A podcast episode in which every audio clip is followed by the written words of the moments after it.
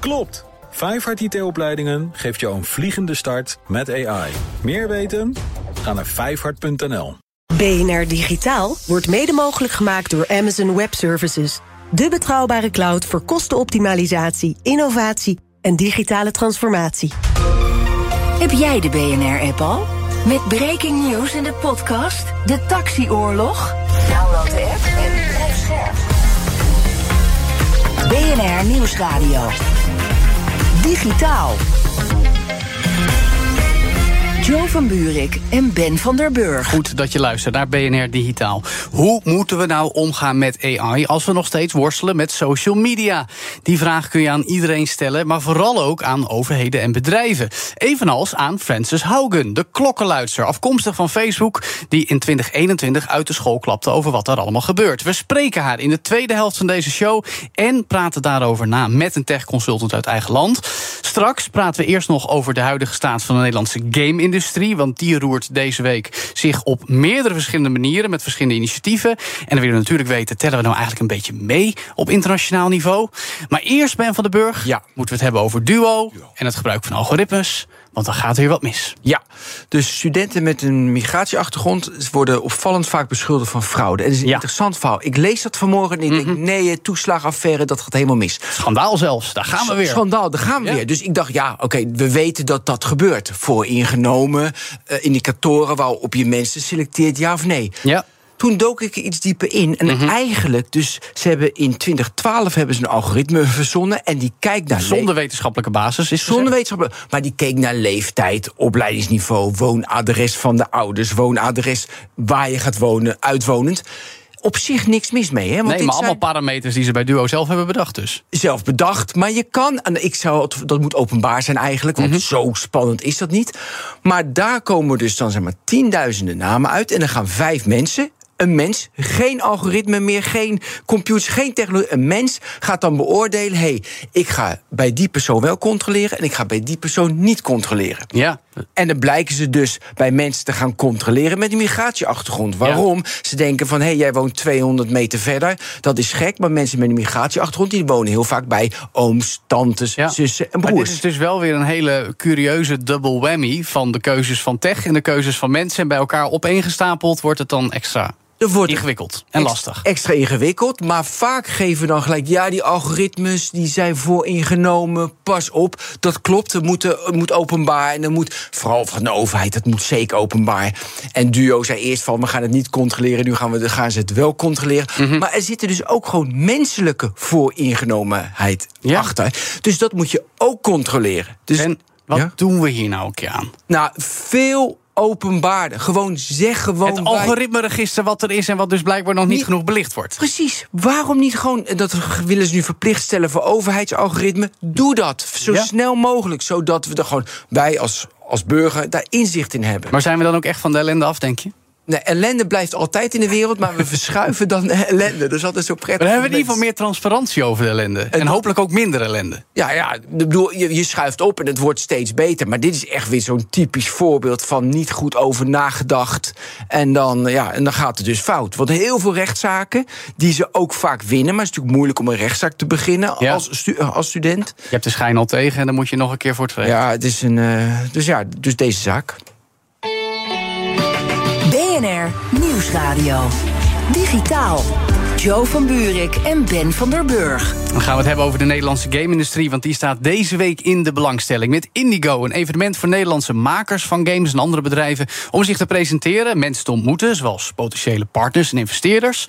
En tegelijkertijd komt marktonderzoeker Newzoo... ook afkomstig uit Nederland trouwens... maar wel internationaal actief met een nieuw rapport... over hoe mensen eigenlijk kijken naar en bezig zijn met games. Allemaal voor, voor een discussie dus. En die gaan we voeren met Dirk de Geus... voorzitter van de Dutch Game Association en co-CEO van een gameontwikkelaar, Paladin Studios. Welkom Dirk. Dankjewel, hallo. Goed dat je bent. Eventjes hè, voor de gemiddelde luisteraar. Die denkt misschien games, komt toch vanuit Azië en de VS. Wat zijn nou de iconen uit de Nederlandse game-industrie. En je mag niet PlayStation's vlaggenschip Guerrilla Games in Amsterdam. Noem ze. Ja, zeg, daar heb je me gelijk. Nee, ja, goed. Nee, natuurlijk, er zijn een hoop iconen. Uh, ik denk aan Vertigo Games. Mhm. Een van de eerste VR-ontwikkelaars die echt een groot succes hebben. Mm die zijn ondertussen uh, ook weer gekocht. En hebben dan ook weer uh, in Nederland ook weer studio's gekocht. Zijn flink aan het uitbreiden, hard aan het groeien. Ja.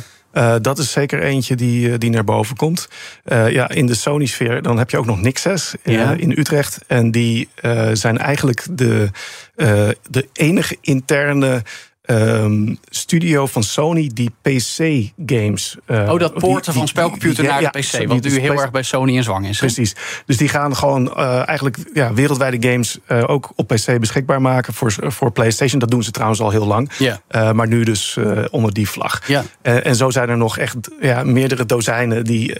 dozijnen zelfs? Ja, die echt nu lekker bezig zijn. Ik wou zeggen, over Azerion hebben we bijvoorbeeld nog niet eens gehad. Hebben we nee. BNR best, best ook vaak over. Maar goed, al dat soort partijen natuurlijk nog veel meer komen deze week samen in Utrecht op het event Indigo. Eh, belangrijk voor de Nederlandse gamesector. Maar even in het kort, wat, wat gebeurt daar? Waarom is dat zo belangrijk? Want jij bent er nu net weer vandaan gekomen. Ja, ja ik, uh, ik ben speciaal uh, uit Indigo hierheen gekomen. En uh, het is heel bijzonder, want wat, ik, wat ik heel mooi vond was dat vorig jaar was Indigo ook in Utrecht gewoon ja, lekker georganiseerd. was toen weer de eerste keer sinds corona. Ja. Nu was het weer echt een stap omhoog. ik sprak ook meerdere mensen, vijf keer beter dan vorige keer. mooi, mooie venue in een prachtig hotel. Ja, wat een beter, wat mooier. Het, het, is gewoon alles gewoon helemaal netjes georganiseerd. Oh, omdat het netjes georganiseerd Ja, en, en ook meer mensen, meer mensen uit het buitenland die hierheen komen. Dus je krijgt gewoon een hele uh, duidelijke sfeer van... hey, wait a minute, we're doing it. Dit begint er echt gewoon op te lijken. Is dit nou ook echt een gelegenheid waarbij deals gemaakt worden? Misschien nog niet beklonken, maar wel dat daar de zaadjes geplant worden? Ja, zeker. Ja, absoluut. Ja, dat Wat is de bedoeling. type deals? Um, nou, meestal zie je een developer die dan een game bouwt. En uh, die game die uh, krijgen ze dan tot een prototype. Vervolgens hebben ze funding nodig voor de volledige productie. Ja, het gaat om tonnen vaak, hè? Tonnen of miljoenen zelfs. Ja. En um, die uh, funding die komt dan vaak van een publisher. Uh, dus dat is even, even de. Ja. ja het traditionele model. Het traditionele model. Er zijn natuurlijk ook andere modellen, zoals gewoon start-ups, investeerders die, in uh, die equity investing doen. maar de, de, publishers die hebben vaak ja, de, de, smart money als het ware. Dus die funden dan een specifieke game. En die gaan het dan ook op de markt brengen. Dus dat is wat je veel ziet. En nemen ze dan ook een share? Dus blijft die game developer dan blijft die dan af, uh, ze onafhankelijk en nemen ze dan een share? Of ja. kopen ze iets? Het, dat, dus, het is alle soorten en maten. Dus het is echt, uh, het kan alle kanten op. Meestal zie je dat er een royalty wordt afgesproken. Dus dat de ontwikkelaar onafhankelijk blijft. Dus dat er geen aandelen worden verkocht. Maar dat het gewoon een, uh, of uitgegeven, maar dat het gewoon echt een, een investering is in de game. En dan delen ze de winst. Ja, wij hebben het gelijk over de commercie, vind ik leuk. Want elk najaar komt in Nederland de Games Monitor met cijfers over hoe we het doen, zeg maar. Eind vorig jaar kwam dan die over 2021. En dan zagen we ongeveer 430 miljoen euro omzet. Uh, 4560 banen, een stijging van 5% Wordt die lijn nu een beetje doorgezet? Want het is nog even wachten tot de cijfers van 2022 dan weer doorkomen. Ja, dat is inderdaad heel spannend. Ik weet het niet. Uh, je ziet dat wereldwijd heeft de game-industrie juist een beetje moeten inleveren. Ik wou zeggen, het corona-effect, ja, het, omgekeerde corona effect Het omgekeerde corona-effect. Iedereen gaat weer lekker naar buiten. Ook hartstikke goed. Ik ben er alleen maar blij mee. Wat is jouw impressie van Nederland? Hebben we daar ook last van? Mijn beeld is dat het eigenlijk niet zo heel veel speelt. Dus ik heb het idee dat we nog steeds aan het groeien zijn. Dus in Nederland doen we beter dan internationaal? Ja, en dat is ook sowieso de afgelopen jaren het geval geweest. Mhm. uh, dus we lopen inderdaad harder uh, dan, dan de wereldwijde industrie. En wat, is, en wat is de oorzaak daarvan? Ik denk dat de oorzaak is dat wij een beetje later op gang zijn gekomen, maar daardoor ook diepere wortels hebben. Dat klinkt een beetje filosofisch, maar heel veel van de bedrijven die klein zijn begonnen, die hebben jarenlang hebben ze echt aan hun, hun processen gewerkt, hun ondernemerschap gewerkt. En nu zijn die successen dus ook aan het, ja, uh, tot, tot wasdom aan het komen. Dus wat je ziet is dat er een volwassenheid komt, een nieuwe groeifase komt. En dat die bedrijven echt uh, ja, gewoon uh, sterk zijn. Ja. Zou de groei nog wel harder kunnen? Of zeg je nou, we moeten eigenlijk wel tevreden zijn met zo'n 5% per jaar?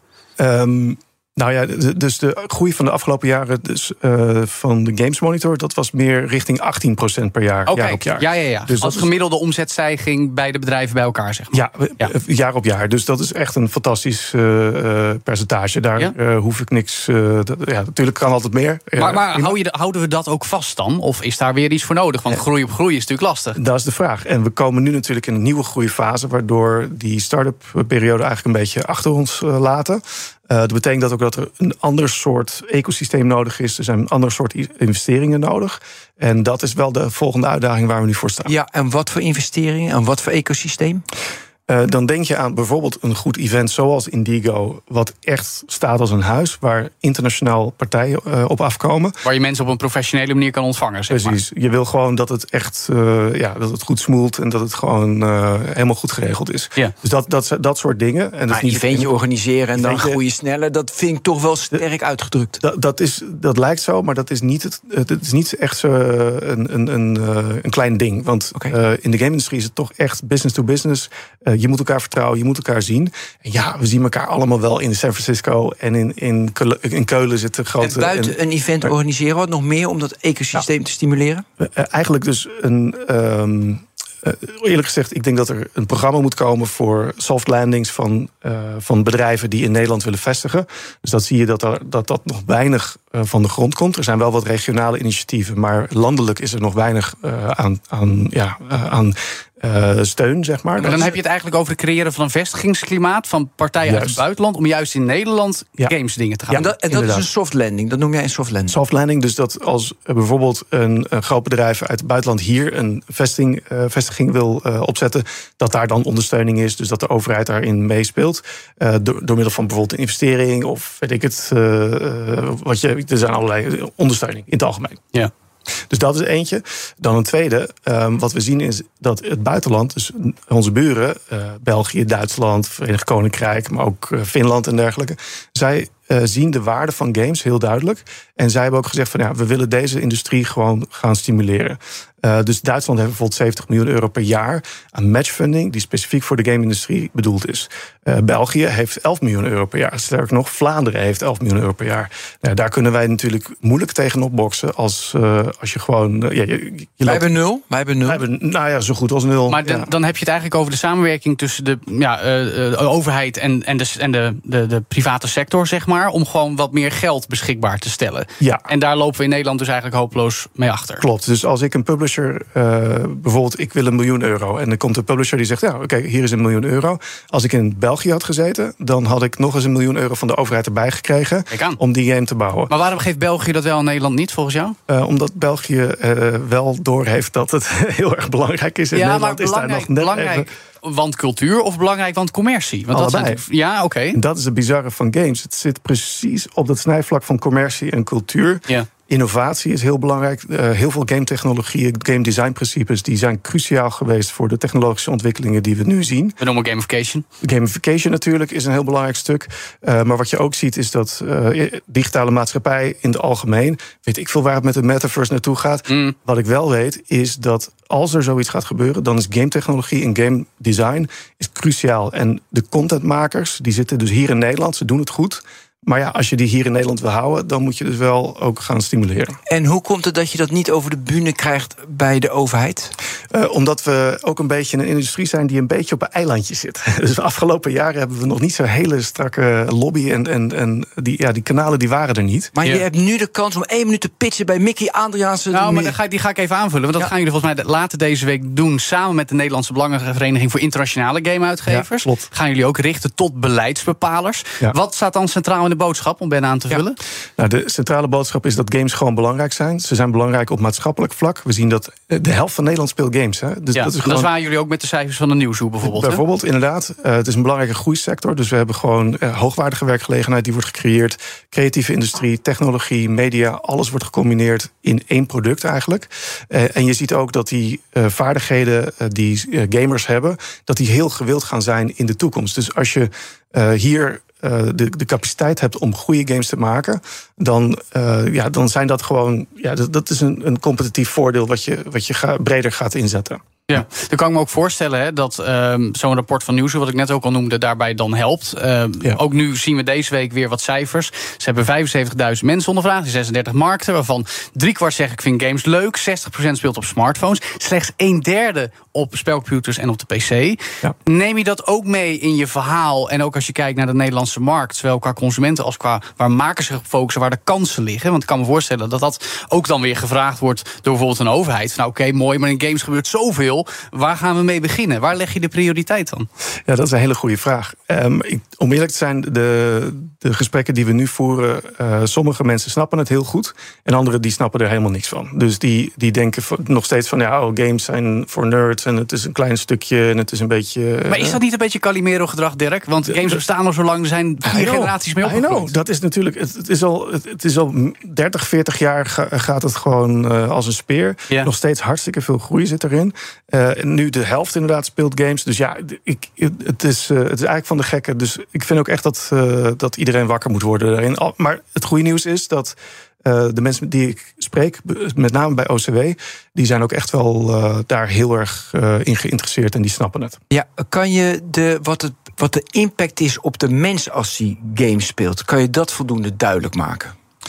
De impact op de mens als die dus, games speelt. Dus hoe ik, hoe ik beter word als mens. Hoe, kijk, ik speel geen games, Joe wel. Dus ja. Joe is een beter mens dan Ben. nou, nee, maar hij heeft best. andere kwaliteit. Inderdaad, zo is het. Nou ja, je ziet dat de cognitieve vaardigheden vaak uh, getriggerd worden. Uh, wat ik zelf, en dit is, er zijn plenty wetenschappelijke onderzoeken die dat ook bevestigen. Mm. Uit mijn eigen ervaring kan ik zeggen. Uh, ik speelde bijvoorbeeld vroeger heel veel strategiespellen. Dat heeft mij gevormd op een bepaalde manier. Als manager ook van je eigen bedrijf? Als manager, als stratege, als, als, als denker. Uh, maar het is ook bijvoorbeeld uh, uitgedaagd worden. Ja. En die uitdaging aangaan. En falen en nog een keer proberen. En op een hoog niveau willen spelen. Exact. Competitief ja, ja. zijn. Uh, dus het is ook net zo al, al die dingen die sport hebben. Behalve misschien dan de beweging en de buitenlucht. Maar dat, dat is dan. Uh, die hebben games ook. Dus daar zit echt een, een heel belangrijk maar oké, okay, mooi verhaal. En toegegeven. Ik ben gamer, dus ik ga er gelijk in mee. Maar hoe ga je dit ook vertellen aan OCW, aan overheden, aan het bedrijfsleven? Dat ze ook overtuigd raken van de boodschap. Dat is een kwestie van tijd. Ik ga okay. gewoon dit, uh, dit evangelie blijven verkondigen. maar uh, het is ook. Uh, gelukkig zijn er heel veel mensen die games spelen. En die mm -hmm. doen dat met veel plezier. En die zien dat ook gewoon als een, een belangrijk stukje van hun, van hun vrije tijd. Ja. Uh, dus ik denk dat dat ook steeds makkelijker gaat worden. Ja. Nu, uh, ook onlangs hè, sprak Brussel zich uit over meer stimulering van de game-industrie. Dus niet ja. alleen in Europese landen, maar ook Europees breed willen ze dat gaan doen. Ik stel me voor, wellicht dan toch ook met subsidies. Maar ja, dan moet je met ja. heel veel anderen gaan vechten. Want in alle landen mogen ze meedoen in de EU. Ook jaarlijks EU-prijzen.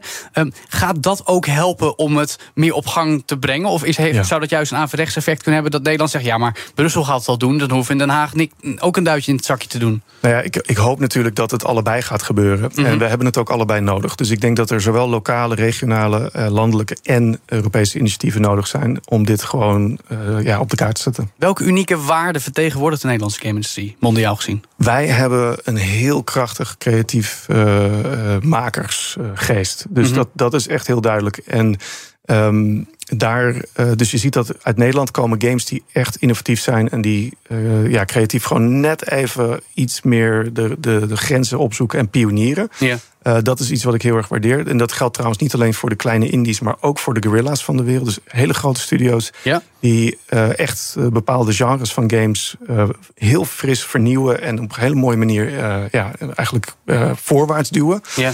dus dat is denk ik hetgene wat wij representeren. Is het niet gewoon een kwestie van al die beleidsbepalers op een, ja, nou niet op een zolderkamer natuurlijk, maar in een ruimte controllers geven en die games zelf laten spelen? Of hebben ze er ook gewoon geen zin in? Ja, nou ja, dat is denk ik wel een van de dingen die die, die moet gebeuren. En dat uh, ga ik van harte doen. Dus als er beleidsmakers zijn die dat graag willen doen, laat het weten. Nou, we gaan het uh, hopelijk horen. Dank in elk geval Dirk de Geus, voorzitter van de Dutch Game Association... en co-CEO van gameontwikkelaar Paladin Studios. Straks spreken we met de vrouw die de grootste geheimen van Facebook op straat gooide twee jaar terug. En niet alleen daarover, maar juist ook als het gaat om regulering van tech... maakt ze graag de tongen los. Blijf luisteren. Betsy. BNR Nieuwsradio. Digitaal.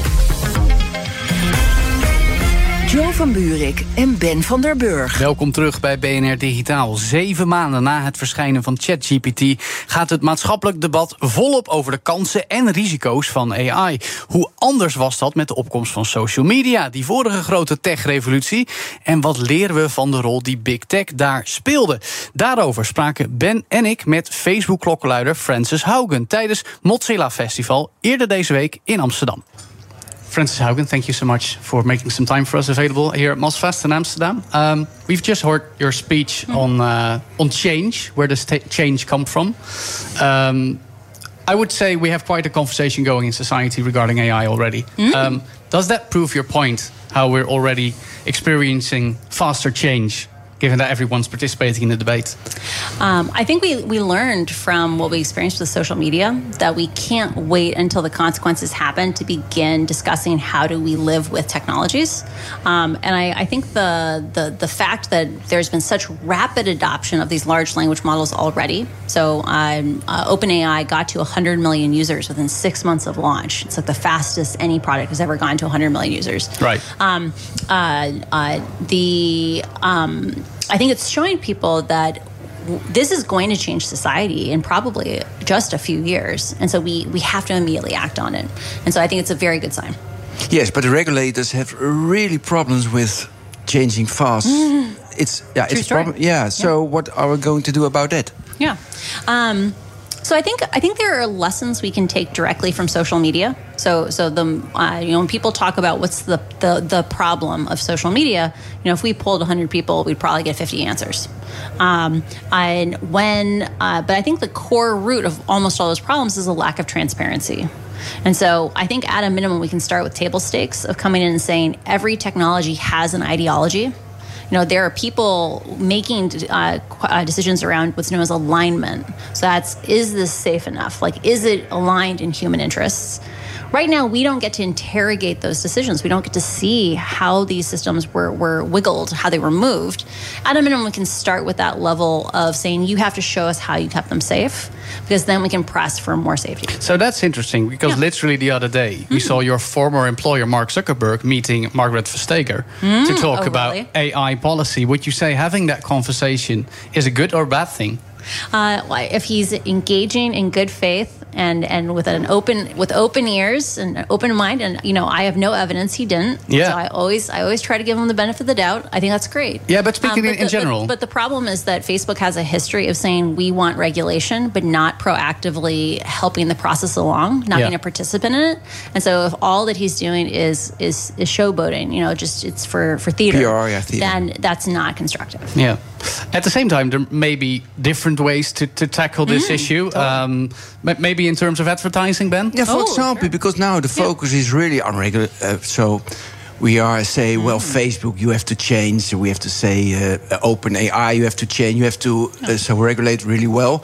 But in fact, when the business model is data, so you can say, oh, why not Mm. Yeah. more focus on the advertisers? So right now, uh, OpenAI is not advertiser driven. No, of course not, but of course not, of but, course not. Uh, so, and But you know what I mean. But I, but I I actually think that's a great example, which is uh, subscription-based business models are more aligned with generating value for their users because there isn't an incentive to say keep them addicted and keep them there as much as possible. But but I think the second question is you're right to say we need to have conversations about the data economy Yep. um, because uh, you know the when uh, when you have an advertising driven model you have an an interest in knowing as much as possible and maximizing not for the good of the user but for the advertiser Yeah, but you remember, I think in 2018 in the summer there was, uh, weet je, quit Facebook, quit Facebook, and then the advertiser only for two three months th- they quit advertising, but it Hmm. Was really short. question. Yeah, should Yeah. we maybe address the advertising market more to say Well- be responsible and stop advertising on social Oh, media? So, so part of why you know people are always like their eyes glaze over when I talk about transparency. They're like, Francis, I know you're a data scientist. I know you want to play with the data. This sounds really boring. So part of why transparency is so important is part of why advertiser boycotts boycotts don't last is they have to just trust Facebook to grade their own homework. Right. So the only big advertiser boycott I've seen was in 2020 called Stop Hate for Profit. Oh, yeah, Right. right. And a Yep. whole bunch of major advertisers stepped away for a month. And Facebook literally came back and said, We solved hate speech.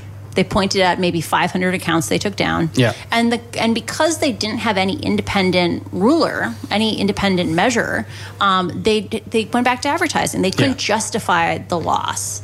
In a world where we have to report the social costs, not just the economic profit and loss, then that gives a tool for advertisers to protest divestment campaigns, that kind of thing. I think that was interesting in your talk about the social cost because it's really hard to put really KPIs on it. I mean, social cost. Yeah. And who is going to, Mhm. what are we going to do about that? So one of the projects my nonprofit is doing. So uh, I'm founding a nonprofit foundation called Beyond the Screen. Right. Because right now all we can see is our own screen. Oh, it's beyond. yeah, yeah, Yeah, go so on. we're helping see beyond to like what's happening in the data centers, seeing the algorithms.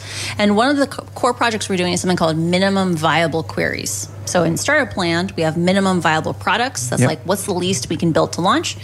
You know, there's a lot of things where even slivers of data can be really impactful. I'll give you an example.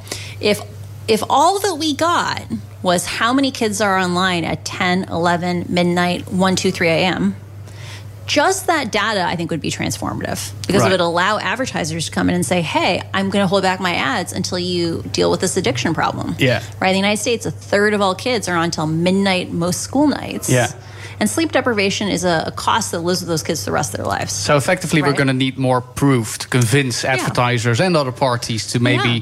Reconsider their involvement with social or, media. Or, or even just to unleash innovation, right? Right. now, if I'm a competitor and I build a more pro social social network, the only thing uh, consumers have to go off of is my marketing. yeah. Right. Yeah. In a world where we had to report even slivers of data, you begin to be able to say, no, there's meaningful differences between this product and this Yeah, product. yeah. At the same time, we still do rely on, on governments. Uh, Yeah. European ones are obviously trying to lead the way in terms of tech Mm-hmm. regulation. Also, our Dutch government is trying to take a stance here how to handle AI as Mm. Part of the dis- digital policy. What would you say to our policymakers is the most urgent thing to implement? Um, I would say the most important thing, like table stakes, is is is access for researchers. Right. Right. So right now, um, uh, we are going to see a repeat of what we saw with social media, where the the choices and the costs are being, or the choices and decisions are being made on closed systems. Right. And we don't actually then get to interrogate them. And and part of where we really lost with social media was our ecosystem of accountability, like our public muscle of understanding, didn't get to grow up alongside social media. Right. Like with cars, at every point along the way, people were able to tinker with their own cars. They were able to take apart cars, crash cars. Yeah. Our understanding grew as the importance of cars in our society grew. When it comes, uh, we need to make sure we don't have a 20-year gap between the rise of these AIs and being able to interrogate the Yeah, AIs. but when it's not a law, they Yeah, don't they- allow and it. That's why you have to have laws for it. Yeah, and the law Yeah. in the AI Act in Europe Yeah. will be effective in Yeah. 2026. Yeah, And it's the a first long part, time. yeah, a Yeah. long time. So Yeah. we go back to the first question: Yeah. how we can accelerate that? Yeah. How can we change faster? Totally. Um, I, I think in the case of uh, data access, like pushing for shorter time horizons is essential, right? So Like, just forcing it upon commercial Like- parties to, to share the data. it's- so, so um, you know, it was a choice by the European Parliament to have that enforcement deadline. Mm-hmm. Uh, coming in and saying we need to have a first pass, so we can have we can have a final pass and a first pass, Yeah. but we can't wait till 26, 2026 to get data. I think that's a very reasonable path yeah. forward. Yeah. Um, at the same time, we still have social media, but I would Yeah. argue it's been shattering for some time. You see big platforms disintegrating, new platforms trying to conquer some space here and there. What do you think? Where is social media heading towards? Is there is there Yeah. a, a healthy future for it? So I, I always, I'm always uh, trying to reground journalists. Oh, really? Because Here we go. Uh, because uh, younger younger adults and and often people who have like other sources of information, you know, they they downplay like, do, do any of their friends really use social media anymore? Like I, I don't use social media that often. Hmm. Um, my my comms person will tell me like I need to post more. But You have three followers Yeah. on TikTok. Three. I have three on TikTok. Yeah, yeah. Wait, I have a TikTok account. yes, well. you have. I saw it yesterday. Oh, interesting. Go on. Um, uh, that's kind of disturbing. Um, uh, there might be multiple. Fra- there's multiple Francis Haugans on Instagram. There might be. We on live in a TikTok, too. multiverse after I all. know. Um, but uh, the. Um, Oh God! You distracted Future me. of social oh, yeah, media. yeah, sorry, Healthy Um, future. Wait, wait. So, so, but we need to remember there's a huge number of people in Europe still on it, in Right. the United States, especially older adults. Um, and remember, Facebook went into some of the most fragile places in the world and said, "Hey, if you use our products, your data's free. Yeah. If you use anything else, you're gonna have to pay for it." And as a result, Facebook is still the internet for like a billion or two billion people. And as You long know? as that situation is in place, we're not going to get rid of it. So We're not going to get rid of it. And we have to remember, we live on a small planet. We can't accept systems where we let people who speak any language other than the top 40 in the world use the most dangerous version of a social network. And that's what's happening today. And there's lots of Europeans who are impacted. It's not just a question for people who live thousands of miles away. So in Europe, the, the Digital Service Act will help. Mm-hmm. Do you think that will extend to all the All around. world or So the wonderful thing about transparency is transparency in Europe is still transparency that will be transformative in other places. Right. Because, for example, if the European Union comes out and says our citizens speak a huge array of languages, it's not just the 27, 28 official languages, it's many, many, many beyond that. We need to know which languages you have safety systems in. We need to know the performance of those safety systems. Suddenly, that actually provides public data where we can put pressure and say, hey, we get that your current way of executing these things doesn't scale. There's other ways of executing that would linguistically scale. You Yeah. need to do that. Yeah. So, a final question then. You mentioned in your talk the Digital Services Mm-hmm. Act, which is a home run for you. We have the Digital Markets Act. We have Yeah. Mm-hmm. the AI Act coming up. Do you have enough trust? These will actually make a difference, or do we have so much mileage to go before we actually make a difference? So part of what I think is really interesting about the Digital Services Act is it's, it's actually quite humble, right? So it's it is transformative because we are playing decades of catch up, but it doesn't presume to know how to solve these problems. It says part of how we got here was we had a power imbalance. You know, there was information that was hidden from us. Uh, people didn't have to wrestle with the social costs. We're going to make you at least have to engage in that dialogue. Um, uh, I'm a little more worried about things like the Digital Markets Act because um, it, some of these things are, are um, we want to believe that interoperability is really simple, but we've seen a history of when we try to make certain kinds of products interoperable, we might technically make them interoperable, but they're so complicated or so um, counterintuitive that no one does it. Yeah. And so I, I, I want and, and I want to be careful that it doesn't do things like break encryption. Right. Because, you know, I don't use WhatsApp intentionally.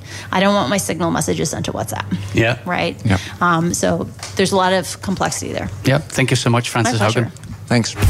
Digitaal. Ja, we hoorden het Francis Haugen zeggen. We hebben nog alle reden om ons zorgen te maken over de impact van social media. En nu komt AI daar nog eens bij. Dus hoe moeten we daar, alles welke opgeteld, nou mee omgaan in Nederland? Als overheid, als bedrijfsleven en natuurlijk ook als maatschappij. Dat vragen we aan Martin Terhorst, directeur van tech consultancybureau ThoughtWorks. Welkom Martin. Hallo, hoi. Goed dat je er bent. Jij was ook op. Mozilla Festival als toehoorder van Francis. Ook om zelf te spreken. Wat is jou nou het meest opgevallen aan haar betoog?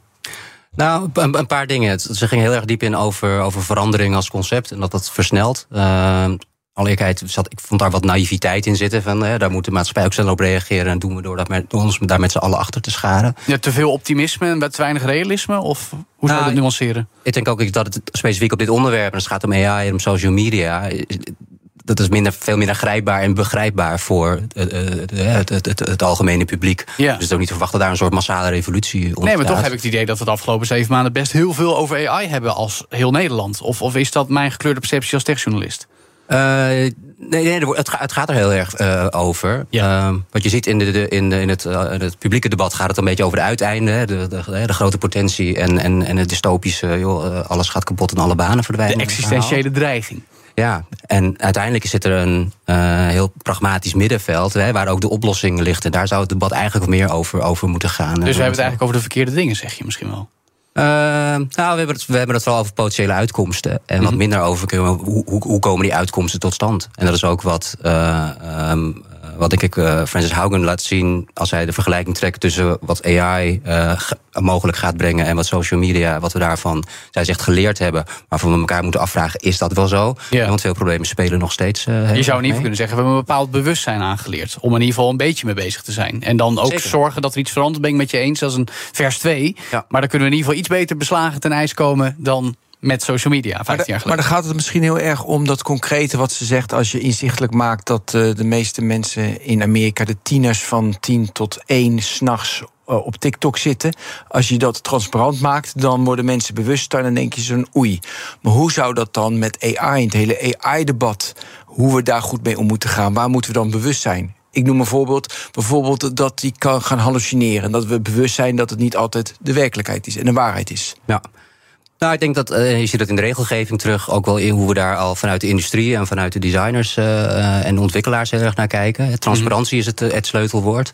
dat is natuurlijk een mooi woord. En dan is het volgende ja. vraag: wat, wat dan? is dat dan? Het is een heel vage term. En het ja. is ook anders voor, voor een, een, gebruiker dan voor een regelgever of dan voor een, voor, voor een ontwikkelaar. Ja. Um, maar uiteindelijk het inzicht is wel belangrijk. Wat ik zorgelijk vind, en dat is eigenlijk ook wel een beetje getriggerd door wat Francis Haugen zegt, is hoe zichtbaar de informatieachterstand en ongelijkheid is tussen overheid en wetgever en de big tech. Ja. Zijn eigenlijk wat, wat Francis Haugen voorstelt, is joh, we moeten de tech dwingen om die data beschikbaar te stellen. Ja. Eigenlijk om eh, te verantwoorden dat er regelgeving moet komen. Ja. Dat is een beetje een enge wereld. En ik denk dat het sentiment wel helder is, hè, dat daar gewoon grote risico's aan zitten. Maar waarom is dat een enge wereld? Want ik, ik ben het in die zin met haar eens. Als, eh, als je even terugstapt en beseft... Ja, we weten eigenlijk amper wat ze aan het doen zijn. Big tech bedrijven vooral. Misschien ook kleine techbedrijven waar jij mee spreekt. Maar wat, wat, wat, wat, wat zou er dan...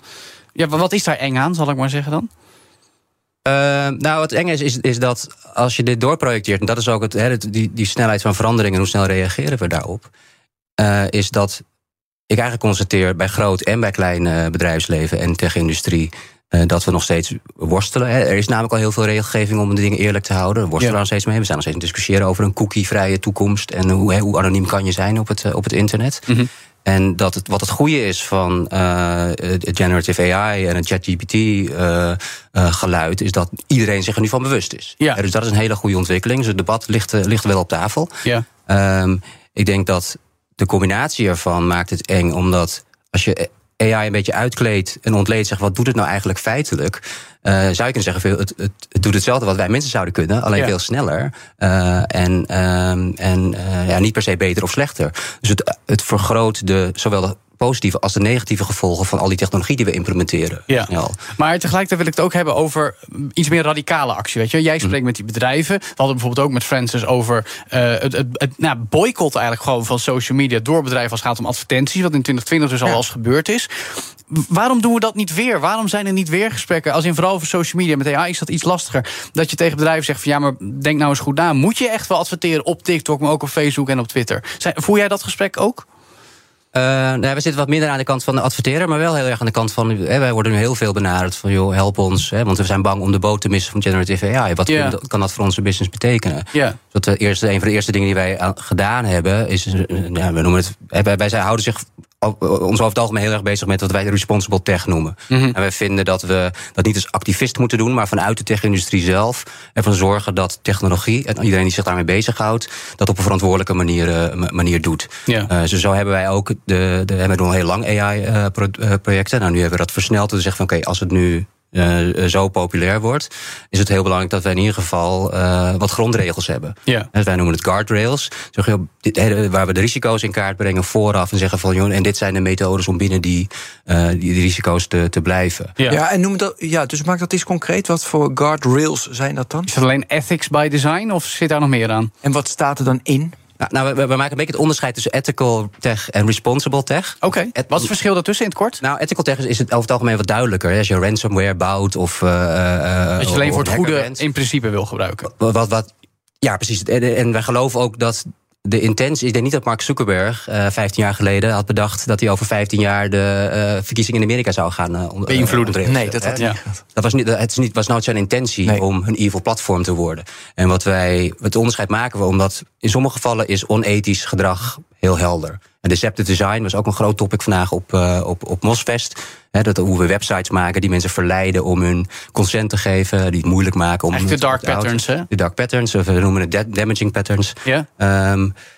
dus, dus die eh, eh, categorie zeggen we. ja, Maar dan zeg je dat we, we adviseren dat niet te doen. nou, daar, daarom zeggen we, dat is per definitie slecht. We kunnen dat zo helder moeten zijn. En daar kijken we ook heel erg naar de regelgever. Hè. De echte, de, de bad actors, die moeten door de, de autoriteiten eruit gevist Ja, maar dan worden. zeg je eigenlijk, oké, we kunnen ze tot zover ad- adviseren van dit doe je. Maar uiteindelijk hebben we ook die regelgeving nodig om dat echt te kunnen onderbouwen. Met name de, de slechterikken eruit te Ja, oké, ja, ja. Waar het grote grijze gebied zit en de grote winst zit in onze ogen... is in eh, het, het identificeren van bedoelde en onbedoelde gevolgen. Ja. We zien heel veel technologische ontwikkelingen... die met alle goede intenties eh, eh, op gang worden geholpen. Ja. Maar onvoldoende vooraf wordt gekeken van... joh, maar wat eh, zijn eventueel de, de, de negatieve gevolgen Ja, hiervan? de, de unintended consequences. Unintended con- consequences. En ja, die zijn er op, op, op, op alle vlakken. Ja. Maar dan ga je dus eerder in een hok zitten en dan werk je al die unintended consequences uit met elkaar. Dat schrijf je op, zodat je van tevoren weet van we doen dit wel, maar dit zou eruit kunnen komen, maar we aanvaarden dat risico of we aanvaarden dat risico niet.